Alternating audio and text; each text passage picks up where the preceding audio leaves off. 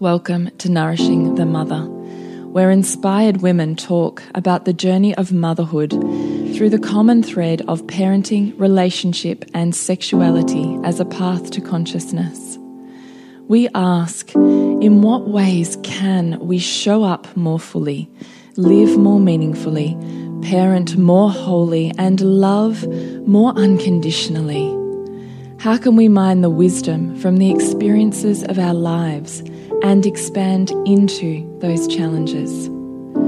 If you are here, you care about paving a path of conscious and intentional motherhood, connected with yourself and your gifts, and also illuminating your children in theirs, so we may raise more whole humans who can impact this world in a more humane way. And if you feel like giving a little back to this free content, please become a patron of the show and receive extra member benefits for less than a coffee a month. Or you can leave a review on iTunes and Facebook, all of which helps the podcast keep going and reach more mamas who need this type of tonic for the soul. Head on over to patreon.com forward slash NTM podcast to find out more. We are Julie Tenner and Bridget Wood, and we are so grateful you're here.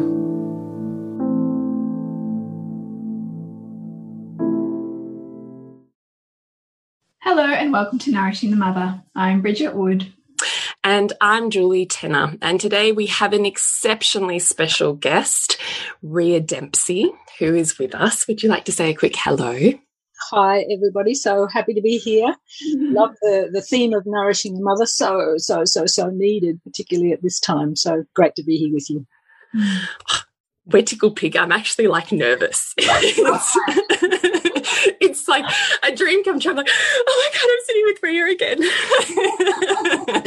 so you might have to just let me get over my nerves just for five minutes. So Bridgie might have to roll.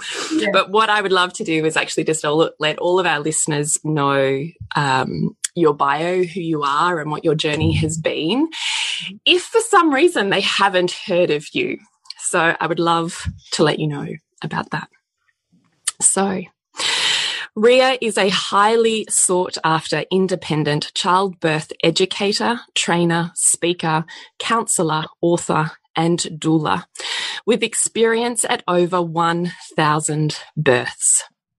Rhea's understanding of birth has been gained over four decades of working with pregnant women, their partners, support people, midwives, and medical practitioners in homes and hospitals. She is recognized as an insightful commentator on the difficulties faced by women who have a yearning for a normal physiological birth in navigating the present birth culture.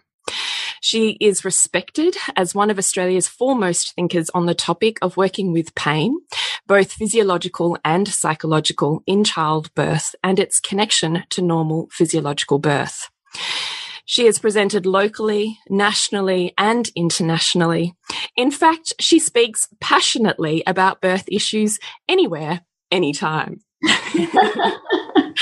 Rhea is also the author of two books Birth with Confidence Savvy Choices for Normal Birth, and her new book, Beyond the Birth Plan Getting Real About Pain and Power. With regard to mothering, Rhea is the mother of three daughters, two home-born and now grandmother to five home-born grandchildren. Long before it was named, Rhea's mothering included the key tenets of attachment parenting, long-term breastfeeding, co-sleeping, baby wearing, and conscious, respectful, developmentally sensitive guidance. And she delights in witnessing this generational patterning continue with her grandchildren. Mm. Which just is, can I just on a parenting note say, to hear the long term experience of that as a, a, mother who who chooses those choices, and I'm sure Bridgie will feel the mm. same, is just feels like a blessing to even just receive those words because sometimes we do all of this and I think, will will it be anything? Will it end up anywhere? Will will they make these choices? Like it's mm. just it's really heartwarming to hear that. So thank you also mm-hmm. that. Thank you. Thank you. Beautiful, Rhea. So we thought we could just start by saying how we found you And then, as you know, we're going to hit you up with a heck ton of questions. so I hope you're strapped in. so I met you uh, in 2008. It would have been. Can you believe it's been that long ago? Yeah. And I came to you to sit in circle with you for a year and train under your guidance. And it was a very, like, one of the most magnificent experiences of sitting in circle with a matriarch that I still talk about as being pivotal and trained to be a doula under your guidance, which was again one of the deepest, most profound moments of my life where it changed its trajectory and I, and I learned ways of being and experiences of life that I hadn't known up until that point. So your guidance has has had an enormous impact on my life. And I'm sure by virtue of that on the lives of many women that I've touched as a result of that as well. So I'm incredibly grateful to be having this moment with you too. Mm. And Bridgie? And I was thinking as you're talking, I think, unfortunately, I actually came across you after the birth of my first child. I would have liked to have said it was fortunate. Um, and it was with your first book, and it just sung to my soul because it hit every edge that I had met in my first birthing experience in hospital, which on the whole was a fairly good hospital birth, all things considered. But your book really, really just reminded me of, of, of everything that I'd forgotten that was the truth of who I was as a birthing woman, and and we met actually um, about two years ago when I was about two minutes pregnant with my third baby. And you stood next to me and just spouted such wisdom as a speaker on a film event that I did, which was a film called These Are My Hours, and it's all about a home birth. And I, I like to think that the imprint of your words and that, that container of energy and inspiration was what was what gave me the most profound birthing experience of my life with my third born at home um, last year. So deeply touched by your work and your wisdom, and certainly through through my relationship with Jules, who, who is, has been so profoundly influenced by your work too. So deep gratitude, Maria. Thank you. Yeah, yeah. Well, you know, we have to be grateful for all those births and babies that have taught me a whole lot Mm. Uh, well, particularly about birth, but if you learn a bit about birth, you learn a bit about life, yeah? So deeply true. So I would love maybe for you to just quickly share, Rhea, how you have come to being at a thousand births and being passionate about physiological and psychological pain and getting real about it in this culture. Yeah. So I, uh, my first baby, who is now also my editor, which is so helpful, um, was hmm. born in England in one of the large teaching hospitals there. And I, just to backtrack, so my background before I had my first baby was I was a physical education teacher and an outdoor adventure sort of facilitator. So used to working, you know, fit and strong and healthy, working with my own body and also um, not only educating, but that sort of facilitating, you know, with people who are doing high ropes courses or abseiling down cliffs and what have you. There's quite an element of not only the physical technique and trusting bodies and what have you, but there's quite an element of psychological support that's required as well. So I just like to put that in because it really is a foundation to where I've come to in, in terms of what I talk about birth now. So I went into that birth with that gorgeous first baby of mine, thinking, you know, I'm healthy and well. Birth's you know, a body event. I'm very in tune with my body and it's a challenging event. You know, people talk about pain. This was in the era of natural birth. So certainly I was you know, wanting to, a natural birth at that point really was talking about just not without drugs. So that was certainly fit with me and who I thought I was at that point. There was just the start in England. This was, I'm, I'm actually Australian, but I was over there when I had my first baby. Um, it was the start a little bit of childbirth education in the hospitals, but what that meant was like about 200 couples or something in a large auditorium with obstetricians up the front telling us basically what happened, you know, how it worked here. And I remember standing up in that and asking, because I'd done a little bit of reading, um, you know, did they do routine episiotomies in this hospital? That was my because I felt like the birth itself was just going to be a breeze for me, well, if not a breeze, but certainly I, I was on the, on the case about it. Um, and the obstetrician answered the questions, said, no, we don't do routine episiotomies here. So to move forward with that, eventually the birth, um, not only did it not unfold as I had hoped in that the birth, there are a number of things, and I've written about this in both books actually, um, but there, in, on reflection now, looking back at it, with the heightened awareness of uh, birth trauma and sort of obstetric violence in a way that's happening now, mm. uh, I would look back on that birth and see that there are elements of punitive behaviour and you know a whole lot of other things as well. Um, she was born gorgeous, gorgeous baby. It was in the era where mothers and babies were separated from one another for a good eight hours, and mothers were drugged so that they could get a good sleep. When I came out of that, and eventually connected with my daughter and stayed in hospital for a day or so. I had had an episiotomy and I just was chatting. It was in the large, you know, the older hospital situation with a large 12 bed ward, we, you know, with just our, our uh, curtains around between us. It created quite a, a feeling of, of, support for one another, actually. There's lots of great mm. chat across the beds and everything. Um, but one of the things that I started to talk about was asking people if they had the episiotomy. And of, of the 12 women on the ward, 10 had had episiotomies and two had had Caesars. So mm. that I sort of came out of that. It was like these little pings of, you know, what, what, what, what is this? Mm.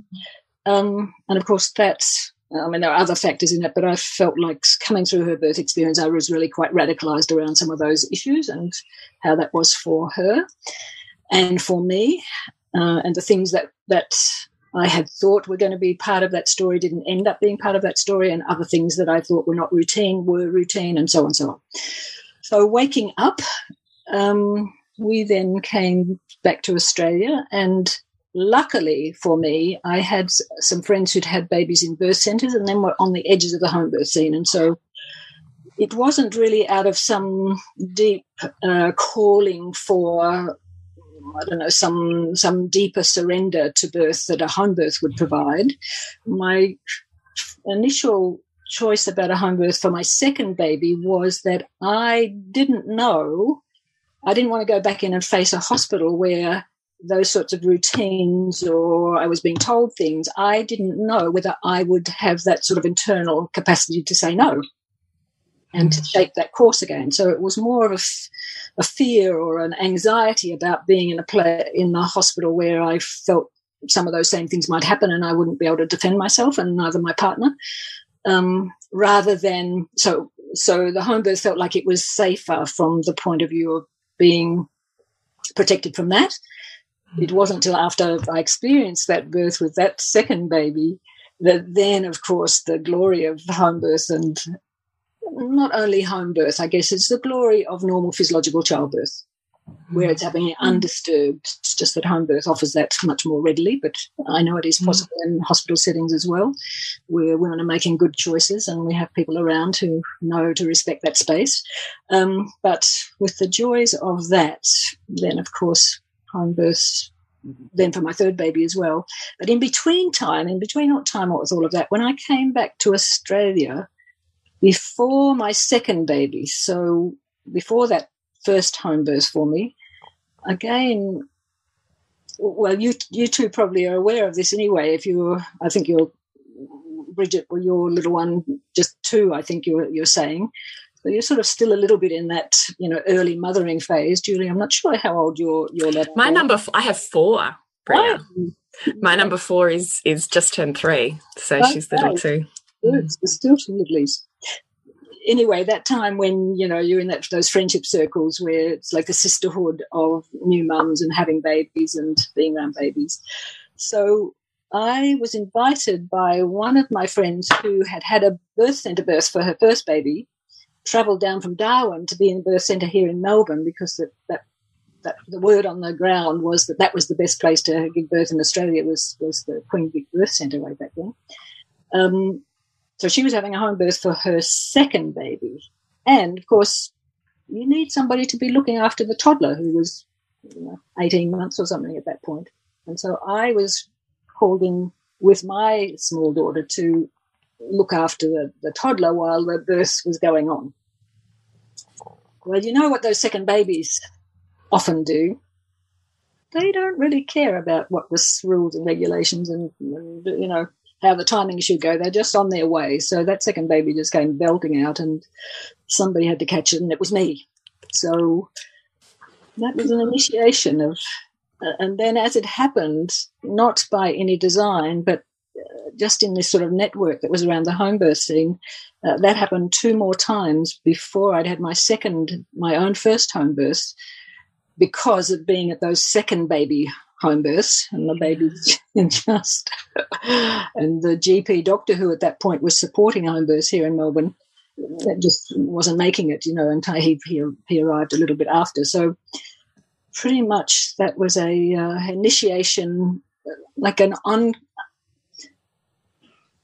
I was going to say unconscious. It was unconscious. It was unplanned, certainly an unplanned initiation. I wasn't looking for those gifts. They, they just were coming out of those sort of networks of how it was working at that point. It was the 70s, right? Remember, well, you might maybe don't remember, but it was the 70s. We were much more caring and sharing and you know, sort yeah. of working groups and not so isolated with one another. So all of that sort of brought that those gifts to me of being involved in births like that without any intention.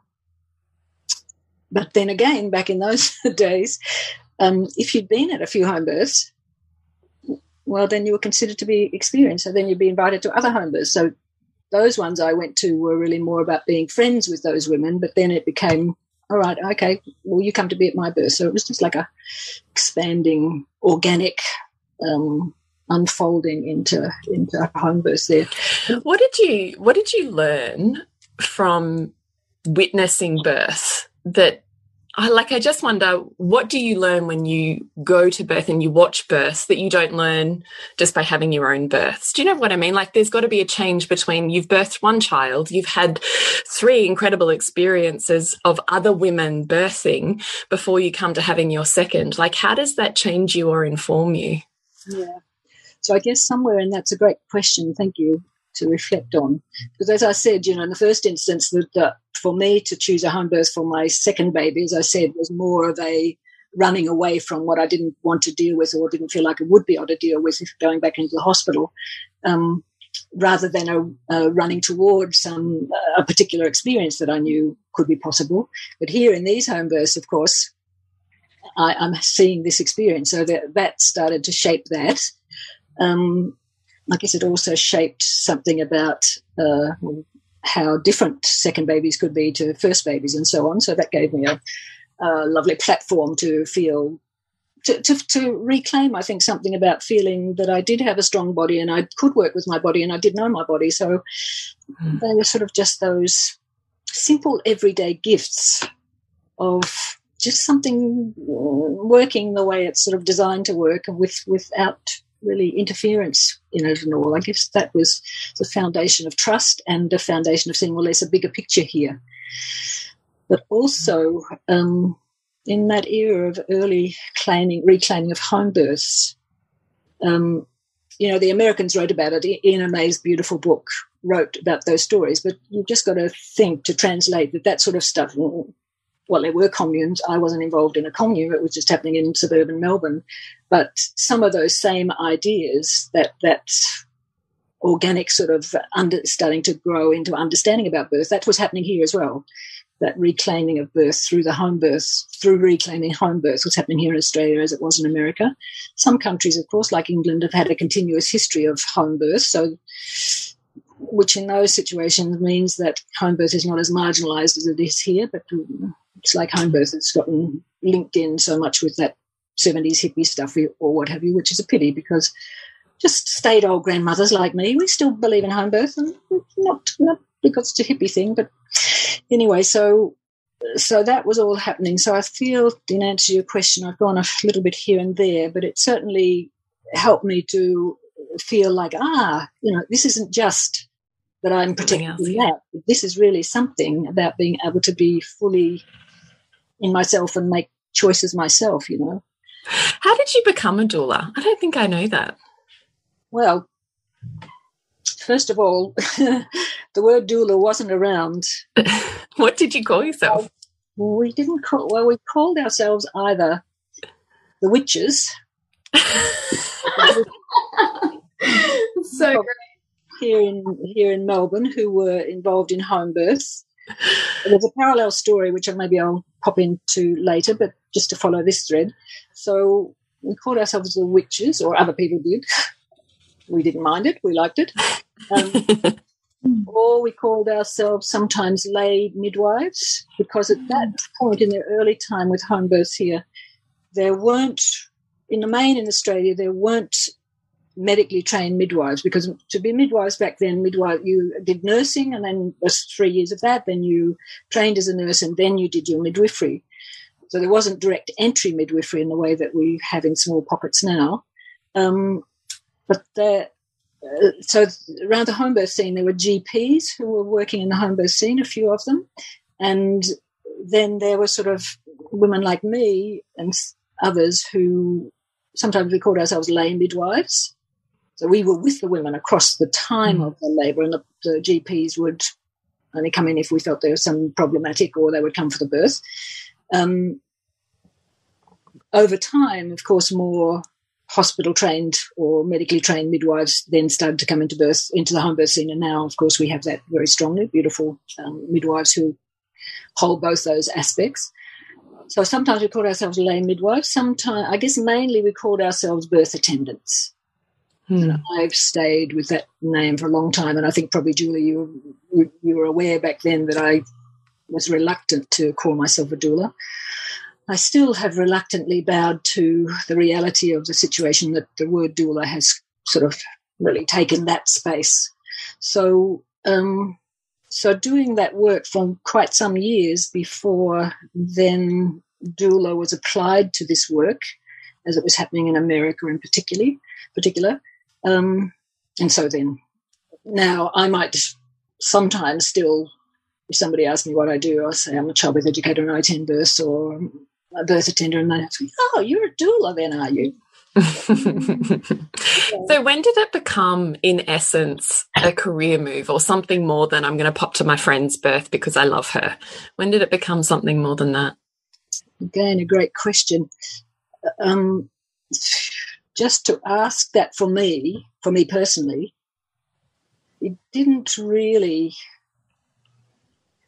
Um, so there, there has been a change, a big change in, in terms of that. But to go back to where I started and the, the other witches, some of who sadly have passed on now, but a few of them are still around, um, it was part of it wasn't like it was a career, and it certainly wasn't a career in any business sense. It was like being of service to your community. Mm-hmm. And the community was, in particular, the home birth community, not entirely, um, because there's a parallel thing running along, which I mentioned. So quite soon there, I, I became a childbirth educator with the Childbirth Education Association here in Melbourne, which was a, quite a radical bunch of women doing brilliant stuff. And so that also meant you were dealing with women who were making choices into the birth centres, into the hospitals, and again were being invited into those births. But it was still so it was more out of this idea that we were we had some knowledge base or understanding, and people obviously felt um, some security about some emotional security about that, and so so it was service service to the community. Mm. So um, so in terms of that shift to as it is now, where it is a um, it's a pathway that could it's a profession, yeah, a profession that happened gradually. I think it happened. Um, I'm going to go off topic. I mean, it is to the point, but it's a bit wider than the, the birth scene. So, again, in say childbirth education and doing a lot of that work and being involved in that organisation, women still were more when their mothers at home. Mm.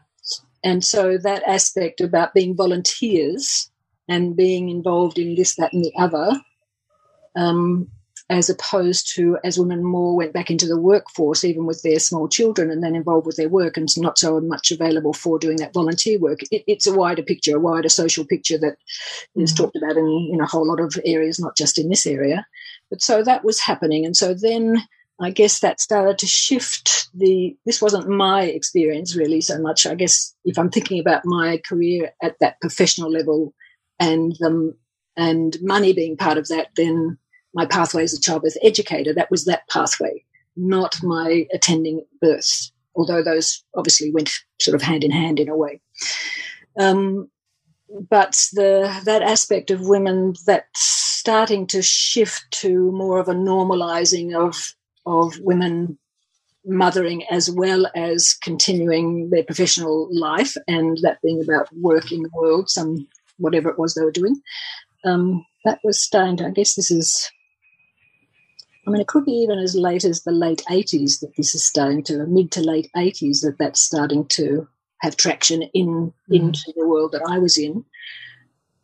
Although I don't know, probably even later than that, maybe into the early 90s. Still, mostly the women who were doing the sort of work that I was doing at that point was really in this idea of service. Mm. But there would be a gift, maybe.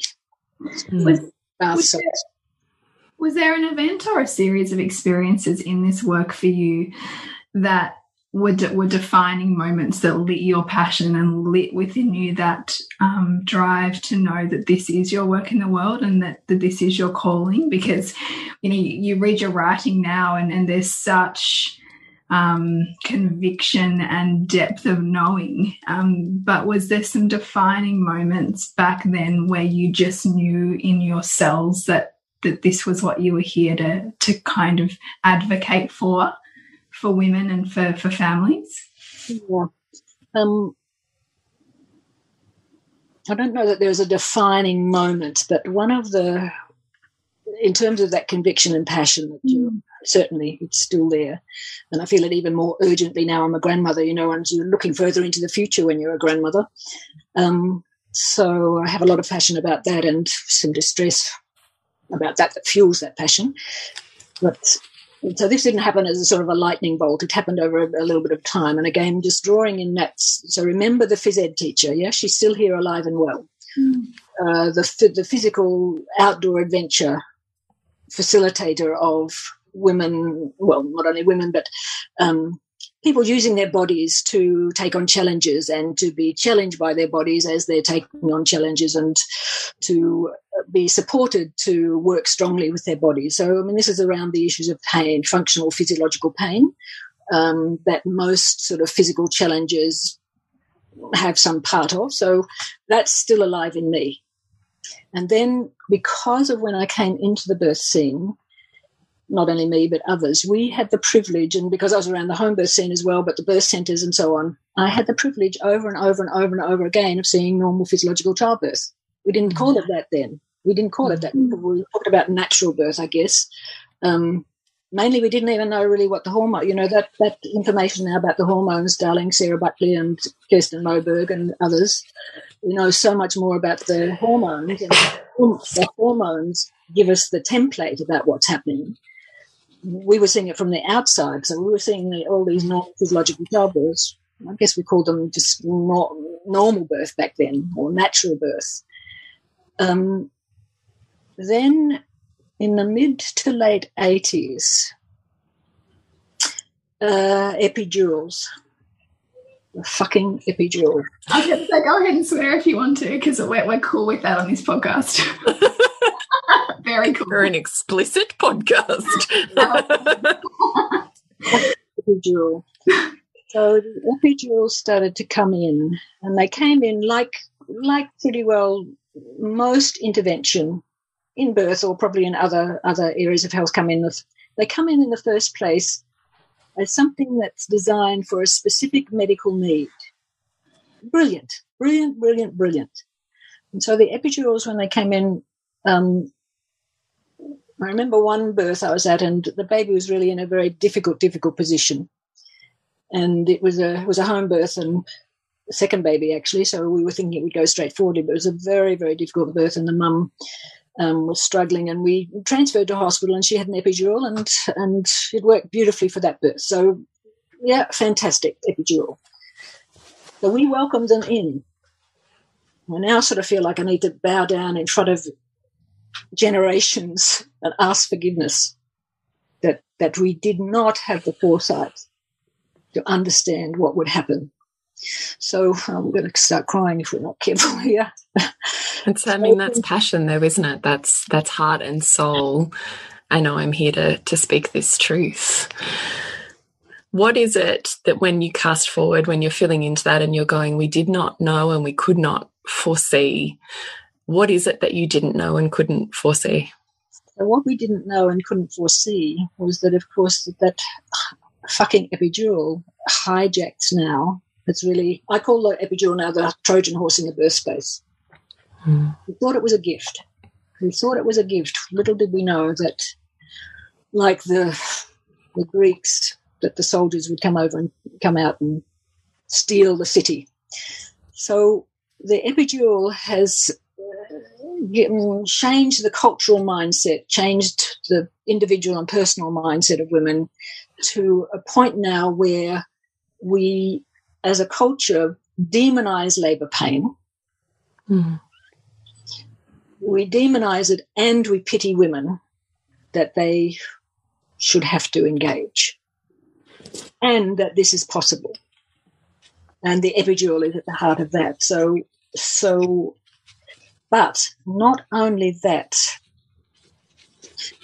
um, I mean, because you know, I mean, the natural the natural birth process was around trying to claim birth back in away from pethidine being used regularly or chloroform back in the days when I was born, my mum, you know, so the Achilles heel of women in birth is, is pain always. And I think there's always been this sort of thing, or we should save women from this pain. It's a whole much more complex. But the epidural does it so perfectly in a way. But the other the other drugs that have been used across the time didn't change birth physiology. The epidural changes birth physiology. So it's not only that we're missing with the epidural use, that we're missing the the uplift that we know can happen when with that normal physiological childbirth and all those hormones are pumping and working so beautifully. That's another whole story to talk about. Um, not only that, but they changed because they changed the, the epidural changed the hormonal cocktail that's in the mother, then it actually hijacks the birth process. So then we have to go in and save the babies. Mm. Now, one one of the things I'm passionate about is to, to and in the second book I try and you know talk about this and hopefully it can become clear because any anybody any woman coming to birth now knows epidurals exist. And no matter how committed she is about the sort of birth that she wants, in her brain, she knows there's an epidural and she knows it could create a situation where she's pain free. So it's so, so, so, so seductive and so easy to get. So there's that. And so there's that message about, well, they can be pain free and it can be, you know, it can be just chatting with your partner. And now we're getting research that partners feel more satisfied with the birth when the part, when the woman is on an epidural. So, you know, fuck, we've, you know, it's lost now. I think that's why I'm so passionate. Um, because they can just stay in their normal everyday chat with one another. Mm. Watch and telly while all this process is going on. But this process then doesn't go on. It needs to be um, it needs all the other interventions to create it to go on. So women are sold that thing about the epidural, yeah, it's so brilliant. And I think if you read my first book, you know, I start talk about my hairdresser, my beautiful hairdresser I haven't seen for a while, um, who a young woman, and uh, just anyway, a bit of a chat, and we got talking about birth. And she said, Oh, yeah, my friends and I, she doesn't have any kids, but my friends and I, we talk about that, you know, and we know, you know, well, the epidural, that's the thing to do. You just can't give birth without an epidural, can you? She's just saying to me, and I'm like, What? um, so that is a mindset for the new generation of women coming through. I'm sure not. How do you how do you roll with that mindset? Like, what do, what do you think about that? How would you try and say to someone who's like, oh, well, that sounds like the worst idea in the entire world. I don't want to, like, be in pain and wailing or, you know, defecating myself. Let's just keep it neat and tidy. And I think that sounds marvelous. Why would you choose something different? Exactly. That's exactly how it is. Yeah. What do you think about that? How do you respond to that? Well, I then respond to that. And so then this is the point that I'm wanting to make that so women know that. And so then it, it, around midwifery, it's it's they talk about well for midwives and or people like me who who are interested in facilitating and talking about normal normal physiological childbirth, and that means working with pain. Um, that we're sort of medieval. You know, the modern way of birth is an epidural, mm. except that the same women what what they're also what women are also hearing about is all of the births with all of the intervention. You know, and they had to save the baby, and the baby had to go to special care, and they had to do the mm-hmm. forceps. And they, thank goodness I was there, and they did the Caesar, and thank goodness uh, all of that, without understanding that those two things, the pain-free, what the mm-hmm. epidural does, is entirely, in most cases, the kernel of what then transpires in terms of where we then have to save the baby. We have to make the body work through other intervention. We have to get the baby out. We have to save the baby. Sometimes we have to save the mum. And they are part of a continuum that starts with the epidural and ends with all of those high intervention rates.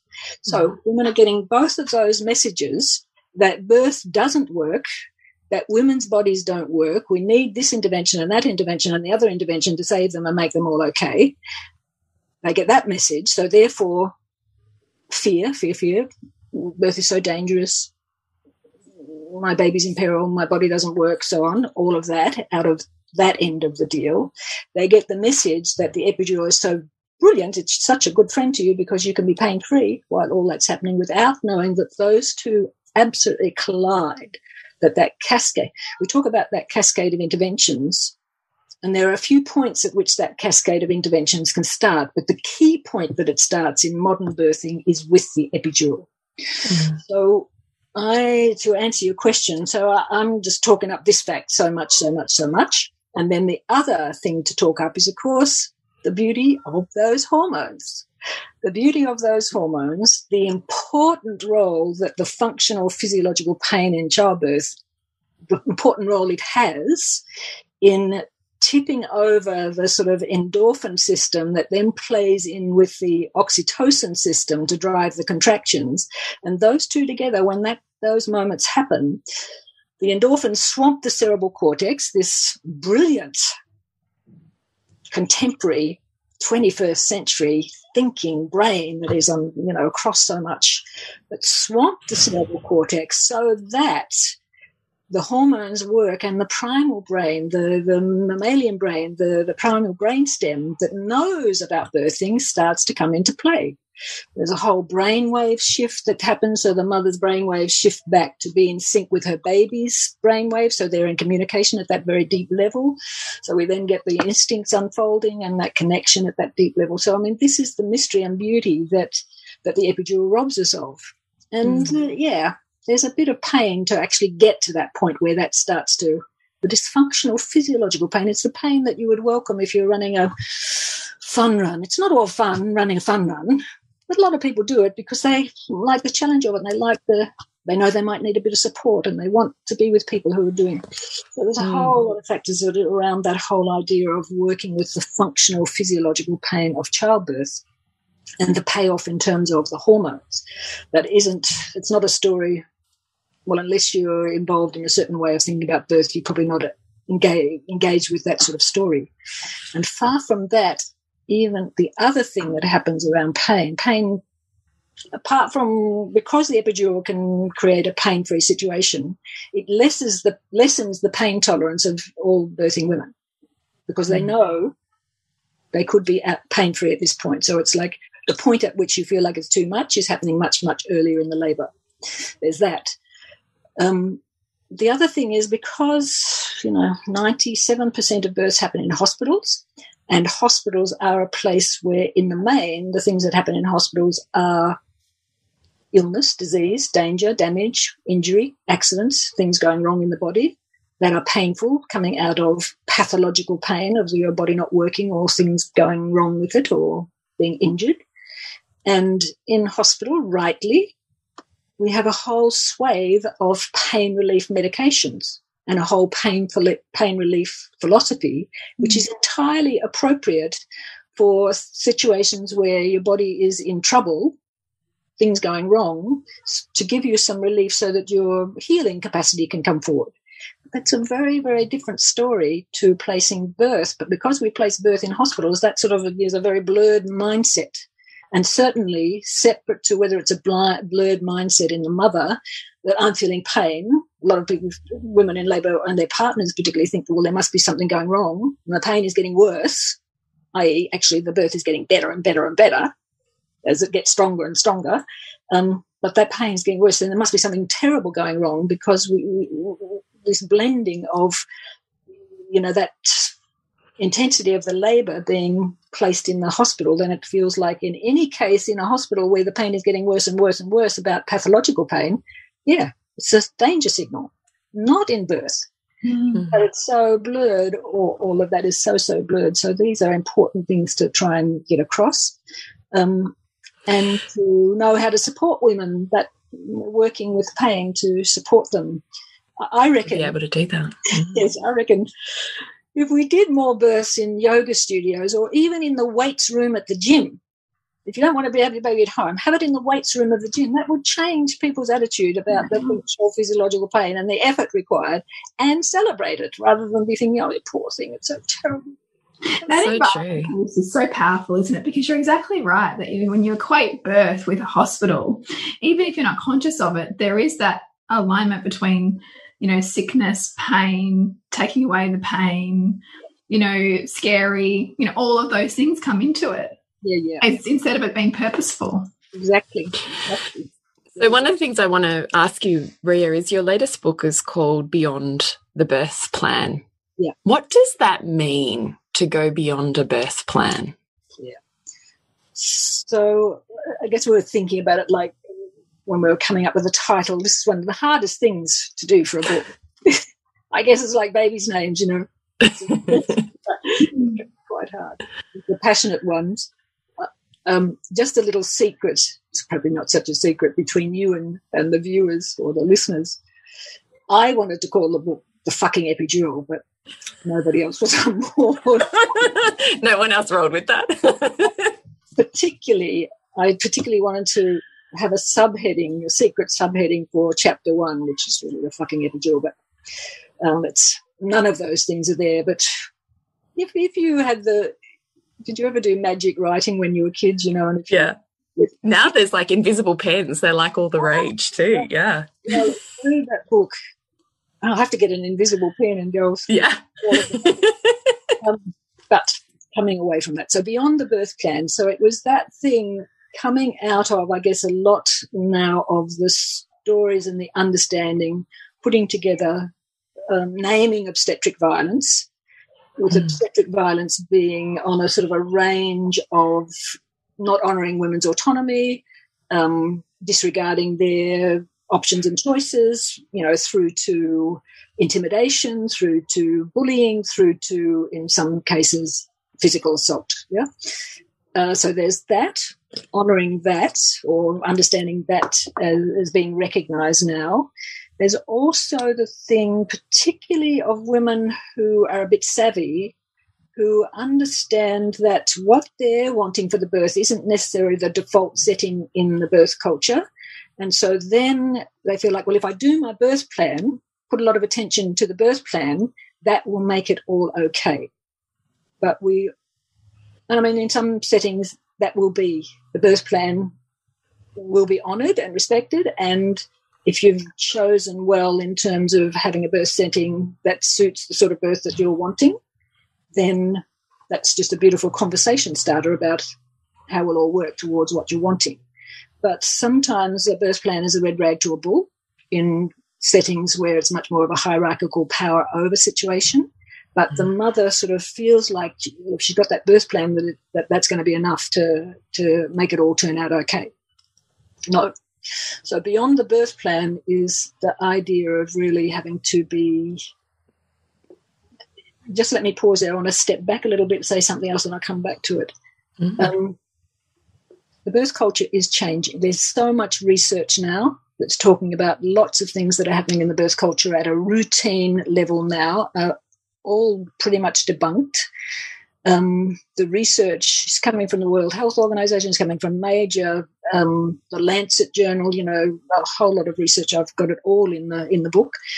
Um, but for big systems to change, even though there is research to say that they should and they must, um, that process of you know the research coming in and particularly in hierarchical organizations for the research to come in first of all is going to be picked up by the sort of who's on the top of the hierarchy i.e. in this case obstetric bodies they've got to take it on board then it's got to filter down filter down filter down so before it becomes practice on the floor in the ward mm. um, they say it's somewhere between 8 and 15 years well the mum who's having giving a baby to now today, she can't wait for that whole system to change. So, mm. so we need we need yes that sort of research that it does make those changes. We, but we need to try and speed that process up. And one of the ways of doing that is for women to be savvy my language to be savvy about in particular normal physiological childbirth. No, it's not really on offer in most of the hospital situations, and to um, do their own work about that in terms of the choices they're making, but so that we're making the demands from you know within the hierarchy, sort of from the from the bottom, um, to shorten that timeline, but also they've got to make choices that would where they know their birth plan will be honoured. Now, that's mainly going to be with midwifery care, and in particular, to be attuning to the continuity of midwifery care, which is gold standard across the world for normal physiological childbirth. In Australia, only 8% of women can access it. So there's a lot of work to be done to change systems around that.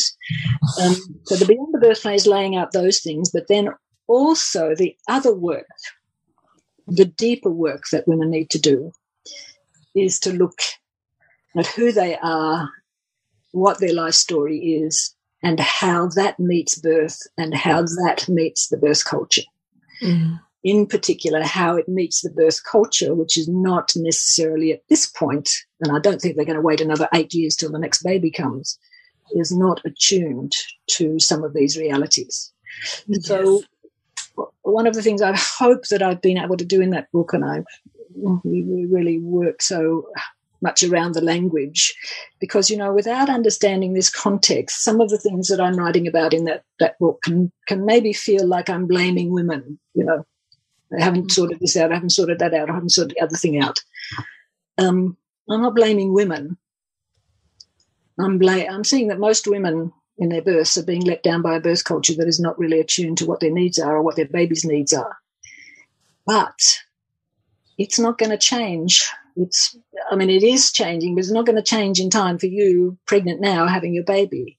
So then what happens in that birth culture is any vulnerability, just any sort of psychological, emotional vulnerability, let alone any sort of deep life wounds that some of us carry, they will be triggered. They get triggered in that birth space and unless women are aware of doing that work themselves and feeling that they're making choices with people who know how to hold them in that and to, to hold them in the work of the birth as well. Um, these are the women who come out with, you know, birth trauma, some of them post-traumatic stress disorder and so on, because mm. it's like the, in a way, the birth culture, it's, it shifts around the edges, but it's like an immo- immovable beast beast. That, mm.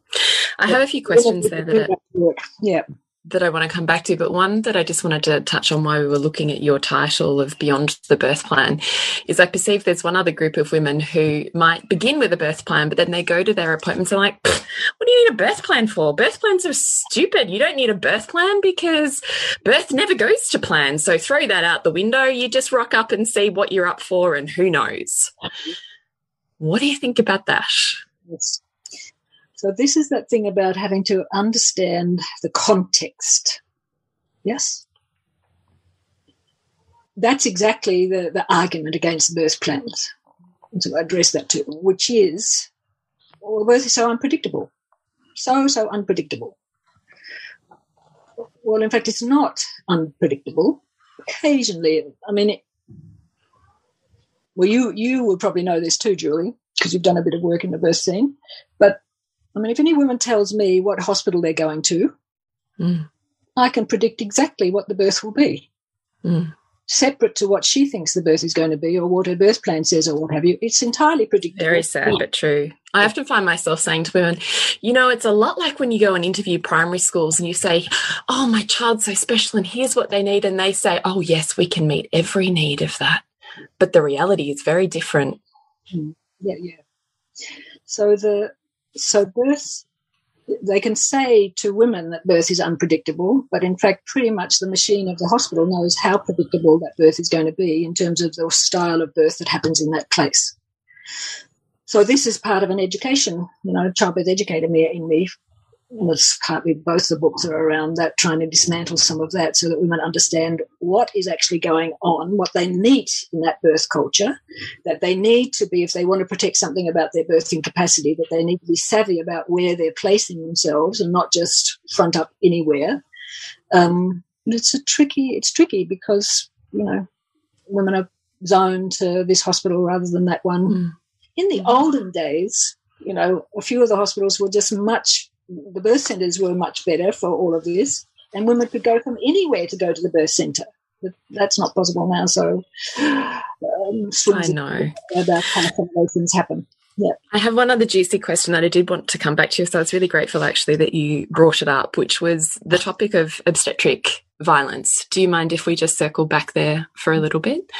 So I find this a very um, socially taboo topic to even be discussing now.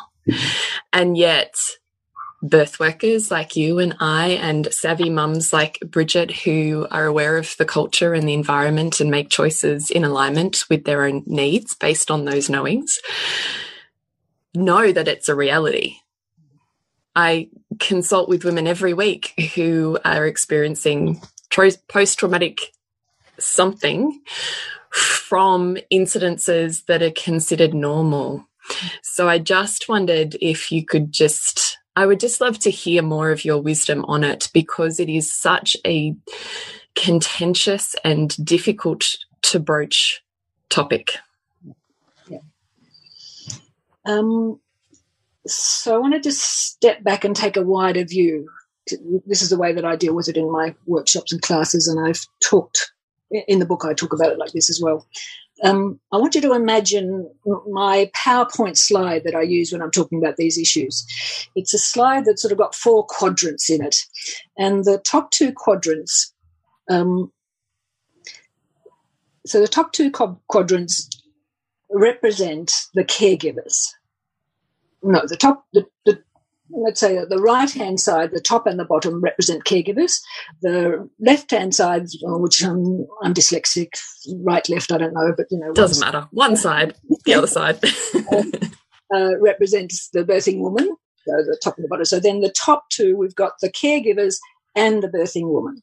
And the old paradigm, the old paradigm, I guess, is based around that idea that a lot of people would know as like, well, doctor knows best. Yeah. And doctor knows best can relate to whether it's the doctor, the midwife, the surgeon, the anaesthetist, the whole structure basically. Yeah, doctor knows best, and the perfect match for that paradigm is, in our case, the birthing woman who acquiesces to that authority. So I talk about this as the trance of acquiescence. Many of us still going to even birth go when we go into hospital, we go into a trance of acquiescence or a doctor's room or or a medico's room about okay, they know best. Can I just ask you about that in your book? Is that what you refer to as the hospital is not a good parent, or is that sort of slightly aside from that? Part of it. It's a bit of a deeper, well, it's a bit broader, but it's part of this. Um, so that in that setting, you've got medicos or you know the, the caregivers who feel like they know best, they have the knowledge and they know all of this, and they're working with the patient, in our case, the birthing woman, who feels like, yes, well, you know best, you tell me what to do. So they're acquiescing. So that can be a harmonious, that can be a harmonious uh, set of interactions. In the birth culture, though, what that means is very high intervention rates. Yeah. Mm-hmm. But it's harmonious. And certainly there'd be no tension probably between that the caregiver and the woman. Then, but we have a new paradigm. This is probably wider than the, you know, the social thinking and what have you. But the new paradigm, which is the bottom two quadrants, we've still got the caregiver and the mother. Um, the new paradigm is based on um, respectful care, on um, patient centered care in medicine more broadly, or women centered care in terms of uh, pregnancy and birth. And this paradigm is premised around, from the point of view of the caregiver, that yes, they have they have knowledge, but their knowledge needs to be interpreted to this woman in terms of how it how this is for this particular woman. What are her risk factors? How okay? So the research says this, this, this, and this how does that work for you with your with you and your baby and your belief system and what have you um, i'm sharing the caregiver i am sharing all this information with you clear clearly i'm quantifying it in terms of what i feel like your risk might be in terms of that research now i offer you now what what what do you feel what do you want to do this is women centered care of respecting respectful care but it's certainly a sharing of the skills and resources and information that the caregiver has. But it's not a doctor knows best or medicine knows best power over situation. It's a shared care, a shared understanding. I give you my expertise and you have your own expertise and thoughts and feelings and beliefs and what have you. And so we come together at that. The woman in this case, which is a perfect match for that new paradigm, is a woman who is um, centered within her own autonomy and with her in her own sense of responsibility. Mm. So that that that is a harmonious connection too between the top two paradigms of the older model, the old paradigm that can be a harmonious, the top the two the caregiver and the woman who are working from the new paradigm that's harmonious where we see obstetric violence coming through is where we have a woman who is her sensibilities are coming from the new paradigm, but she meets in the birth space practitioners who are working from the old paradigm. And so then this becomes a power over and a power struggle and a power, you know, women feel like their autonomy is, is then being trummeled and not respected. Caregivers probably think as a woman is, you know, not taking enough she needs to be listening because it, you know this is also dangerous and we need to do this but there's a lot of bullying comes out of that connection does that make some mm-hmm. sense to you certainly does to me yeah. The other thing i would say in terms of those paradigms is that so that's not a good match we've got the woman who is is working and expecting from the new paradigm with her birth plan and so on mm. um, but also if we have practitioners whether that's obst- obstetricians or midwives or within the birth scene. I mean, what I'm describing is not only about in the maternity system. This is, this is more generally about health systems. But if we've got a caregiver who's working from the new paradigm about um, respect and uh, women-centered or patient-centered care, where you're given the information and then you you make your decisions for yourself, if we have that practitioner, but they're working with a patient, or in our case, a pregnant woman who is still working from the old paradigm in terms of acquiescence to somebody who should tell me what to do, then that is not a good match either, and probably not a safe match.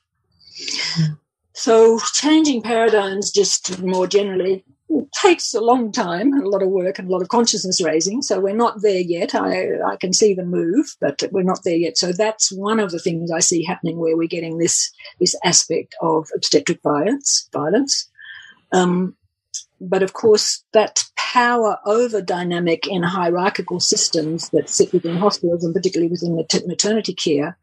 Um, and that feeling of I know best is still alive and strong, really. So I mean that sort of trumps even what I'm saying about these these shifting paradigm and these quadrants and who's who's interacting with who. But um, the other thing I would say in terms of though that that slide I'm trying to talk about at the moment is that I think that there's also I mean it's more commonly called, isn't it, the sort of mummy wars.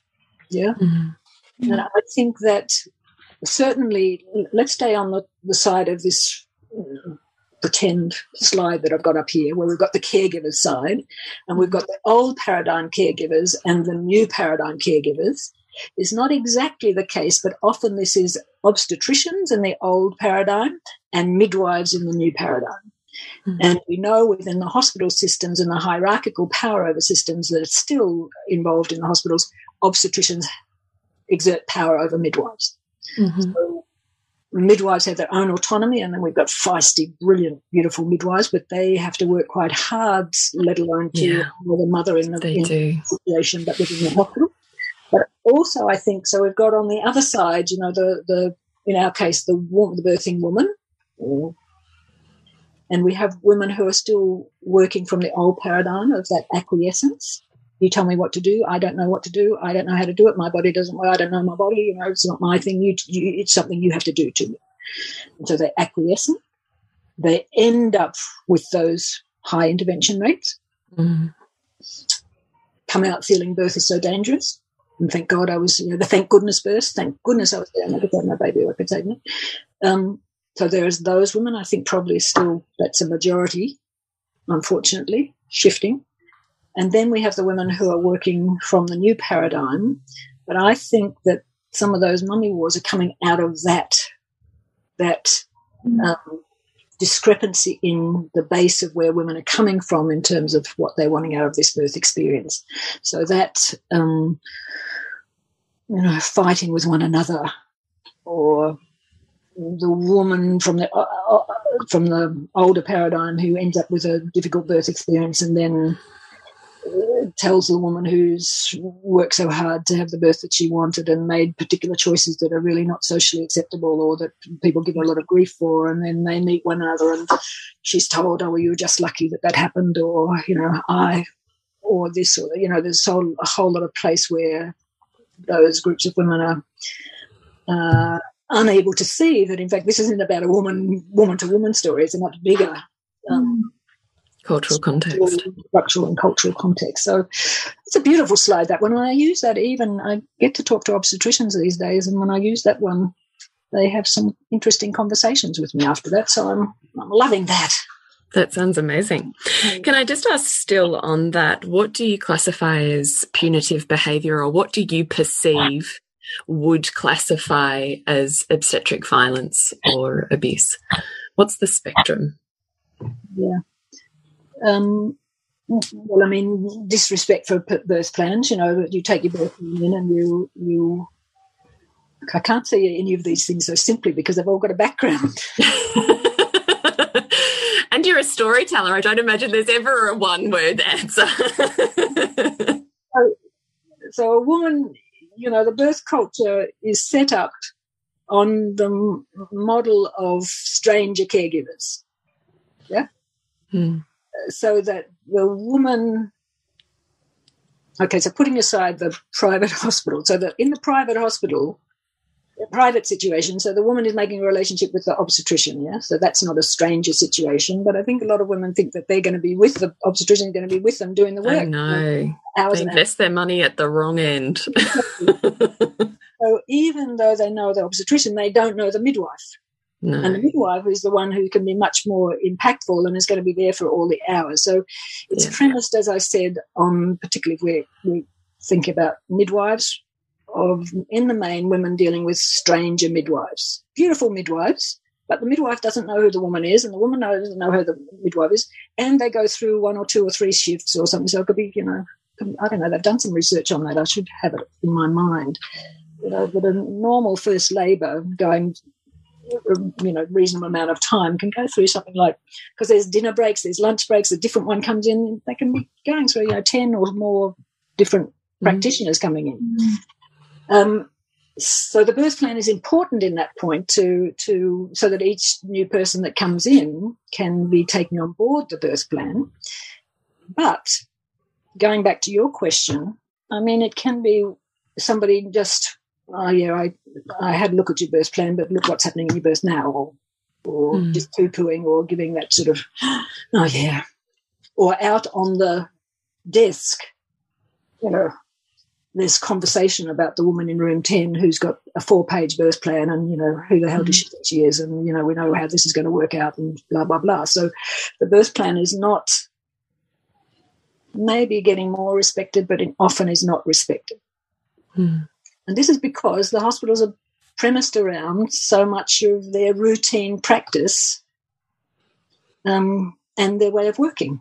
I mean, probably, you know, it's tricky because probably, you know, if we're doing some some work or something or other, if I'm running my workshop, which I've been doing for years and years and years, maybe I don't like somebody coming in and, you know, saying, well, you know, could you do this first, not that section, and do this? And, yeah, maybe I get my back up.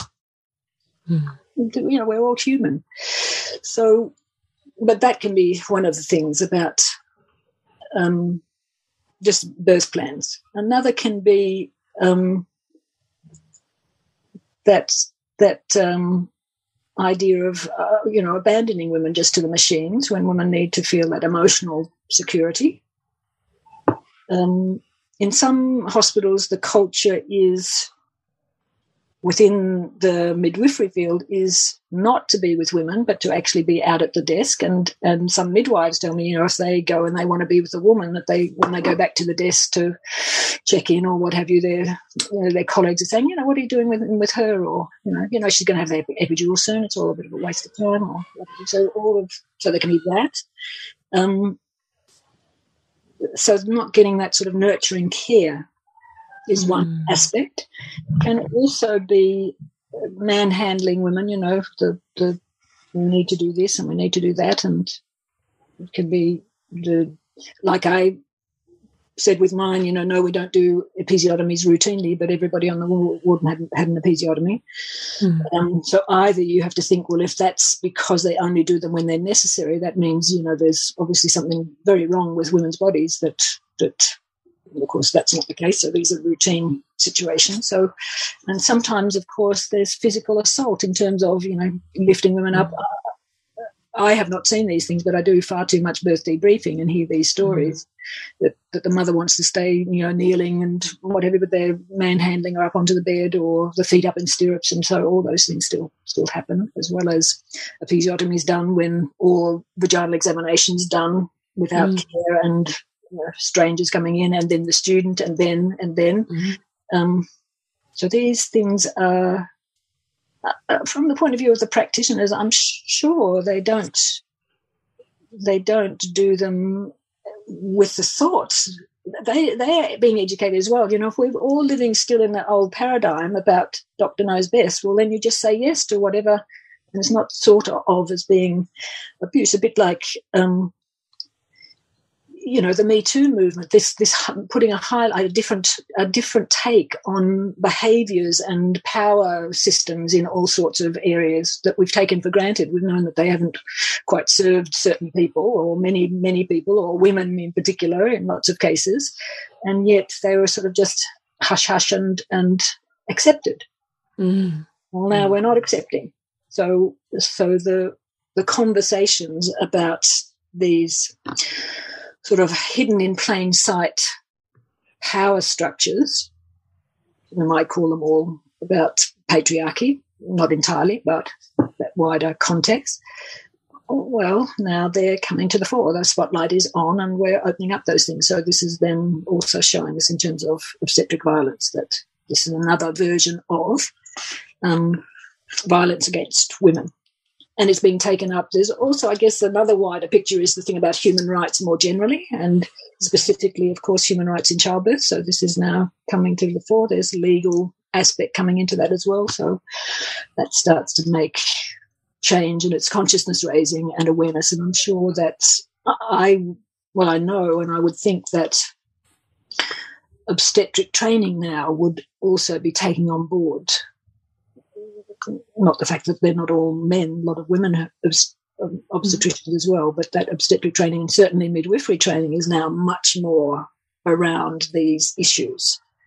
Mm-hmm. So we will see a change. It's just that these sort of changes, because they're big structural changes, they're paradigm changes, and whatever, they take time.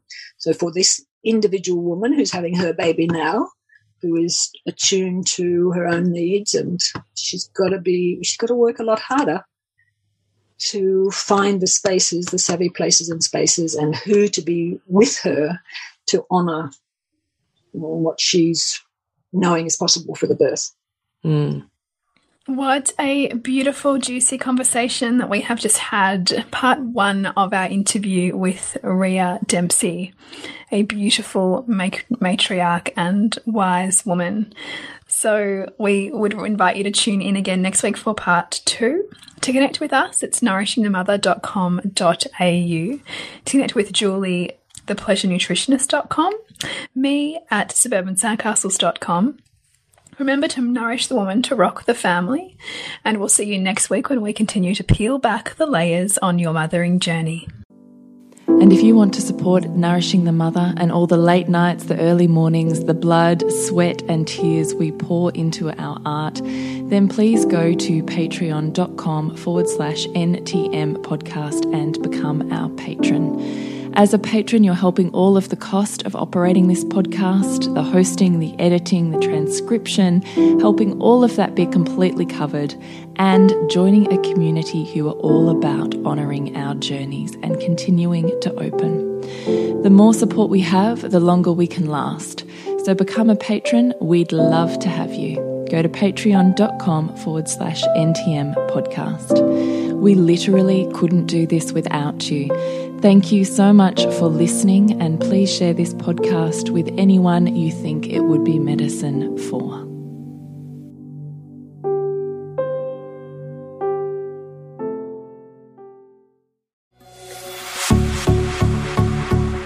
This has been a production of TheWellnessCouch.com. Check us out on Facebook and join in the conversation on Facebook.com forward slash The Wellness Couch.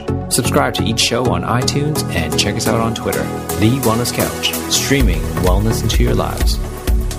Whilst the Wellness Couch presenter endeavor to provide accurate and helpful information to their listeners, these podcasts cannot take into account individual circumstances and are not intended to be a substitute for health and medical advice from a qualified health professional. You should always seek the advice of a qualified health professional before acting on any of the information provided by any of the Wellness Couch podcasts.